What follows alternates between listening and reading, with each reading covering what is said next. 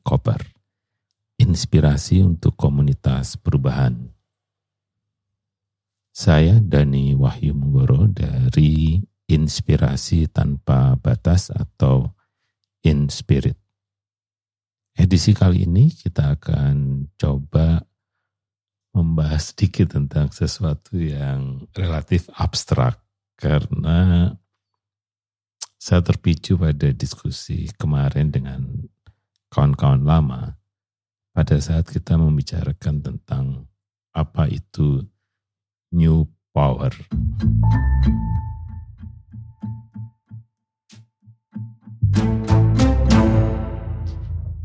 Ya sebenarnya saat ini kalau kita membicarakan tentang gerakan sosial atau organisasi masyarakat sipil atau membicarakan tentang hal-hal yang sifatnya inovasi, kita pasti akan membicarakan tentang siapa yang sebenarnya saat ini bisa menentukan bahwa A adalah benar dan B itu salah.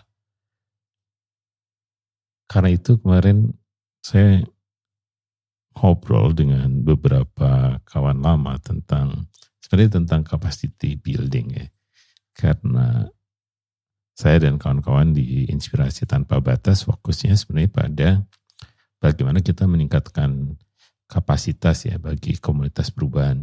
Nah, komunitas perubahan itu bisa siapa saja, baik yang ingin mengubah situasi di keluarga, di sekolah, atau di lingkungan rumah tempat tinggal dan sebagainya, kami menyebutnya sebagai komunitas perubahan. Nah, yang ingin kita bicarakan hari ini sebenarnya satu memahami power di dalam pengertian yang lama itu apa sih?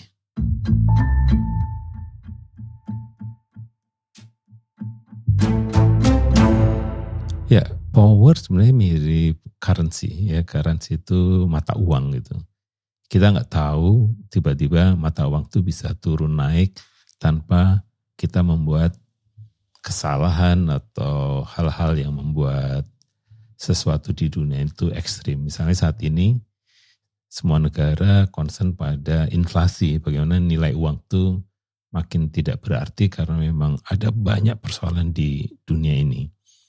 Oleh karena itu yang menjadi isu adalah saya tahu tiap hari kan tetap rajin seperti ini mengapa uang saya menjadi tidak punya nilai saat ini misalnya untuk beli apa bensin subsidi misalnya. Ya ternyata uang kita kemarin satu liter hanya tujuh ribu sekarang menjadi sepuluh ribu. Jadi tanpa sebenarnya saya tambah malas atau tambah rajin ya biasa aja. Tapi ya tadi ada sesuatu di luar sana yang bisa menentukan hidup mati kita gitu. Lalu karena itu ciri dari power, apa nilai atau nilai-nilai ya pada power atau kekuasaan yang lama. Satu sebenarnya memang sifatnya formal.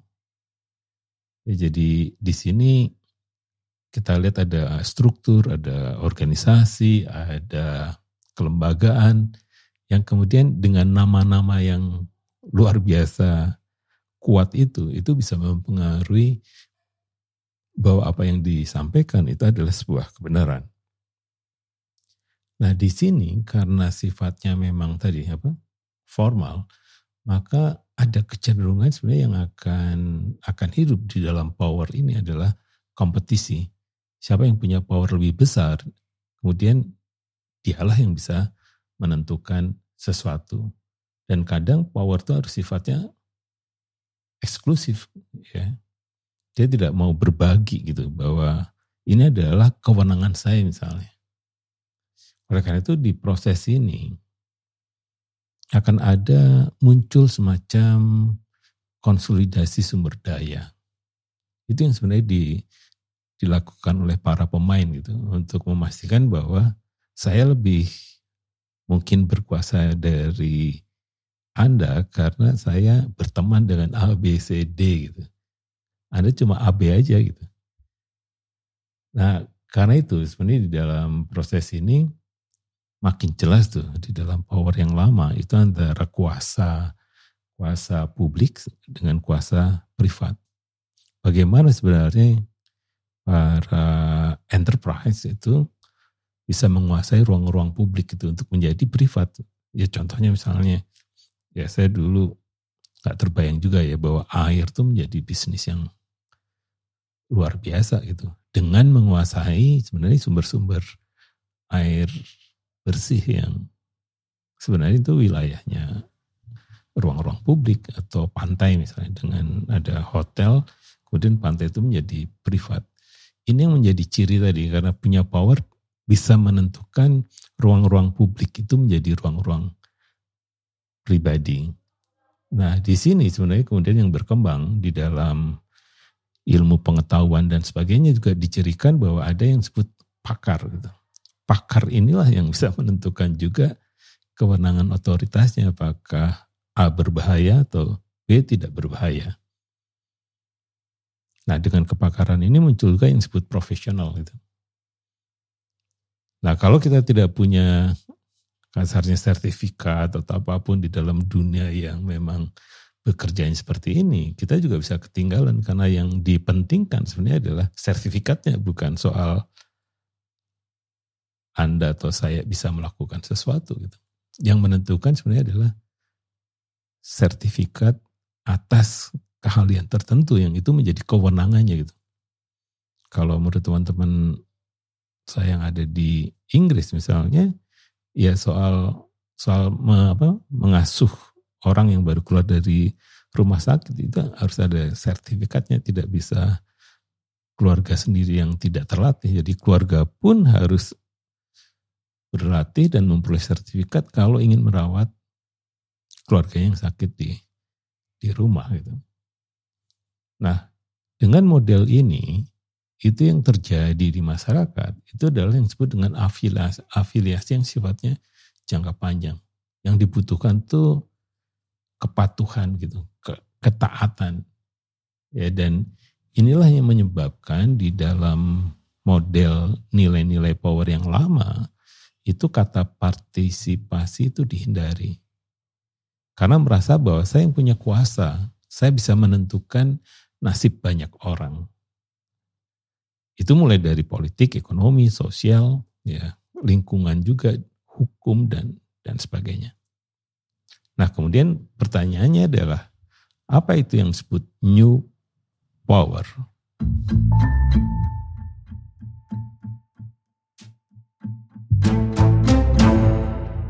Ya, di dalam percakapan kemarin kemudian mulai muncul, ya ya karena kenapa kita enggak tidak mendalami yang disebut new power? Nah new power agak beda dengan yang old power yang disebut dengan currency. Tapi yang disebut new power itu adalah current, sesuatu yang memang saat ini terjadi gitu. Salah satunya sebenarnya yang di sini disebutkan, tatanan masyarakatnya sendiri sifatnya bukan formal, bahkan menjadi informal. Ya kalau kita lihat misalnya presiden kita itu bagaimana ya menggunakan baju? Bajunya di di apa? Keluar ya di di bebas gitu. Baju putih digulung gitu. Itu seorang presiden ya. Agak kontra dengan presiden sebelumnya yang harus rapi menunjukkan ke kegagahan kegantengannya ya ini menjadi informal dari presiden aja informal gitu. Itu terbayang bagaimana menteri-menteri bagaimana juga dirjen-dirjen itu yang tadinya pengen gaya gitu ya sekarang mati mati gaya sebenarnya. Karena sebenarnya di sini yang terjadi saat ini yang disebut self organizing jadi bagaimana semua orang mengelola dirinya sendiri karena memang situasinya tidak mungkin diatur dengan hanya satu aturan atau atau aturan yang sangat sentralistik banyak sekali tafsir untuk bisa menerjemahkan atau merespon apa yang terjadi di di, lap, di lapangan itu. Nah, di sinilah kita muncul kata-kata yang agak beda dengan yang old power tadi. Di sini akan muncul kata kolaborasi misalnya. Berkali-kali kita pasti dengar di zaman ini tentang ayo kolaborasi, ayo kolaborasi gitu. Karena tanpa kolaborasi kita tidak bisa mencapai tujuan yang lebih tinggi. Bahkan saat ini yang dianggap sebagai sesuatu yang keren itu, itu adalah bukan soal konsolidasinya ya, tetapi tentang bagaimana sebenarnya orang banyak itu punya keindahan kecerdasan gitu. Kecerdasan yang lebih keren gitu. Orang menyebutnya kolektif. Kolektif intelligence ya. Tapi di sini adalah bahwa isunya itu bukan soal konsolidasi sumber daya, melainkan sharing sumber daya. Karena itu kegiatan-kegiatan yang disebut dengan open sourcing itu menjadi lebih kuat dibandingkan di zaman yang lalu. Ingin dikontrol, kalau sekarang kita justru butuh semua orang untuk terlibat karena butuh keahliannya makin beragam. Nah di sini agak beda dengan yang di old power. Kalau old power itu semuanya tuh informasi tertutup, jangan dibagi, berbahaya dan dan seterusnya. Di model new power informasi pun sifatnya sangat transparan. Tuh. Bahkan orang menyebutnya adalah transparan yang radikal. Jadi nggak bisa ditutup apa sih dari mulai punya pikiran aja disebar gitu. Kemudian kalau pada tahap perencanaan belum jadi disebar gitu. Jadi teman-teman bisa lihat tuh seperti misalnya apa ya ide IKN atau ide kereta cepat itu yang melaporkan kegiatan itu bisa siapa saja. Mulai dari sampai di mana, apa yang terjadi, tidak selalu harus dari sumber-sumber yang formal atau official. Siapa pun bisa melaporkan. Nah, bagaimana kita hidup di zaman situasi yang seperti itu gitu? apa pun bisa diinformasikan.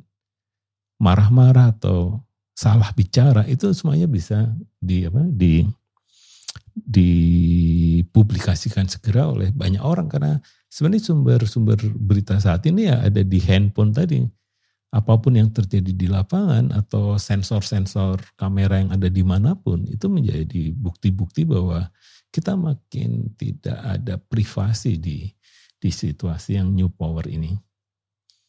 Karena itu sebenarnya kalau di zaman yang lalu itu kepakaran itu menjadi sesuatu yang penting, sebenarnya saat ini justru yang yang akan kuat itu adalah yang disebut dengan apa culture maker atau maker culture ya.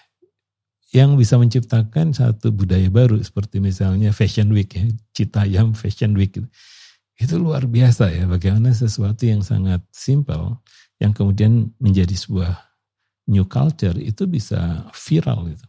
Itu yang jadi berbeda dengan uh, old power.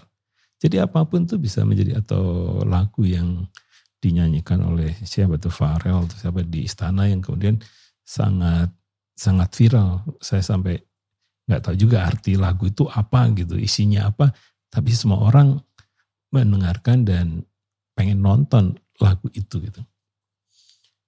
Karena itu sebenarnya di sini ada etika baru. Etikanya itu do it yourself. Jadi melakukan sendiri apa yang kita suka.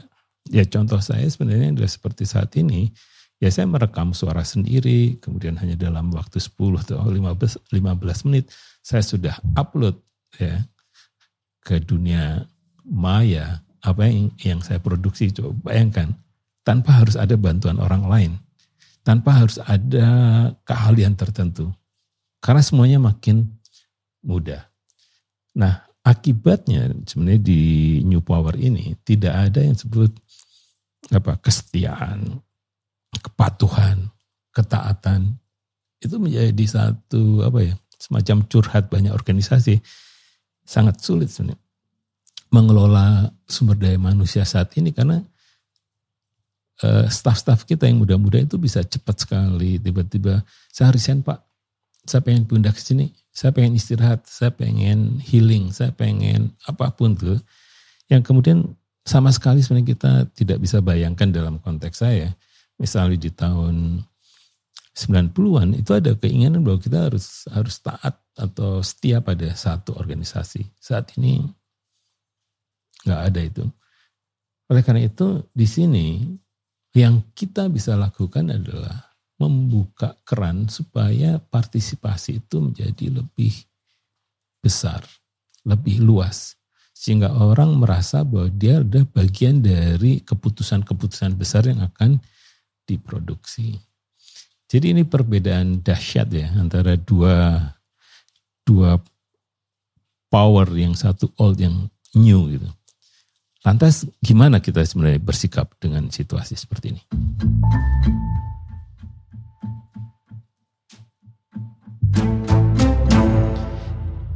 Ya, sebenarnya yang ingin saya sampaikan adalah bukan berarti yang old itu jelek, kemudian yang new itu baik ya. Bahwa ini adalah satu spektrum yang kita harus respon dengan kecerdasan, dengan hati juga, ya, dengan imajinasi juga. Sehingga kita bisa menempatkan bahwa apa yang akan terjadi sebenarnya ada semacam spektrum dari yang sangat apa, sangat individual itu menjadi sangat partisipasi misalnya.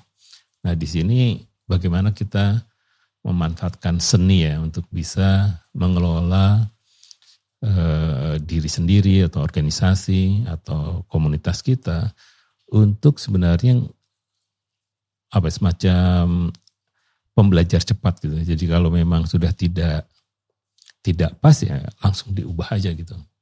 Karena sebenarnya saat ini kita tidak dituntut lagi menjadi seorang konsumen gitu ya. Yang pasif menerima informasi apa pun. Sekarang kita semuanya adalah produsen. Mirip yang ada di YouTube atau di Spotify atau di platform yang lain. Itu bukan soal bahwa kita ingin memproduksi informasi yang secanggih media-media di masa lalu. Apa pun yang kita punya itu harus segera mungkin ya di-share di ruang-ruang media sosial ini bagian dari eh, tadi percakapan-percakapan percakapan baru sehingga yang marginal bisa ke center, yang ter, yang center terlalu lama bisa juga makin ke marginal. Jadi itu saja ini koper kali ini. Ini koper percaya bahwa berbagi apa saja ya dari apa yang kita tahu, apa yang kita terampil dan sebagainya, itu bermanfaat bagi komunitas perubahan. Sampai jumpa pada edisi berikutnya.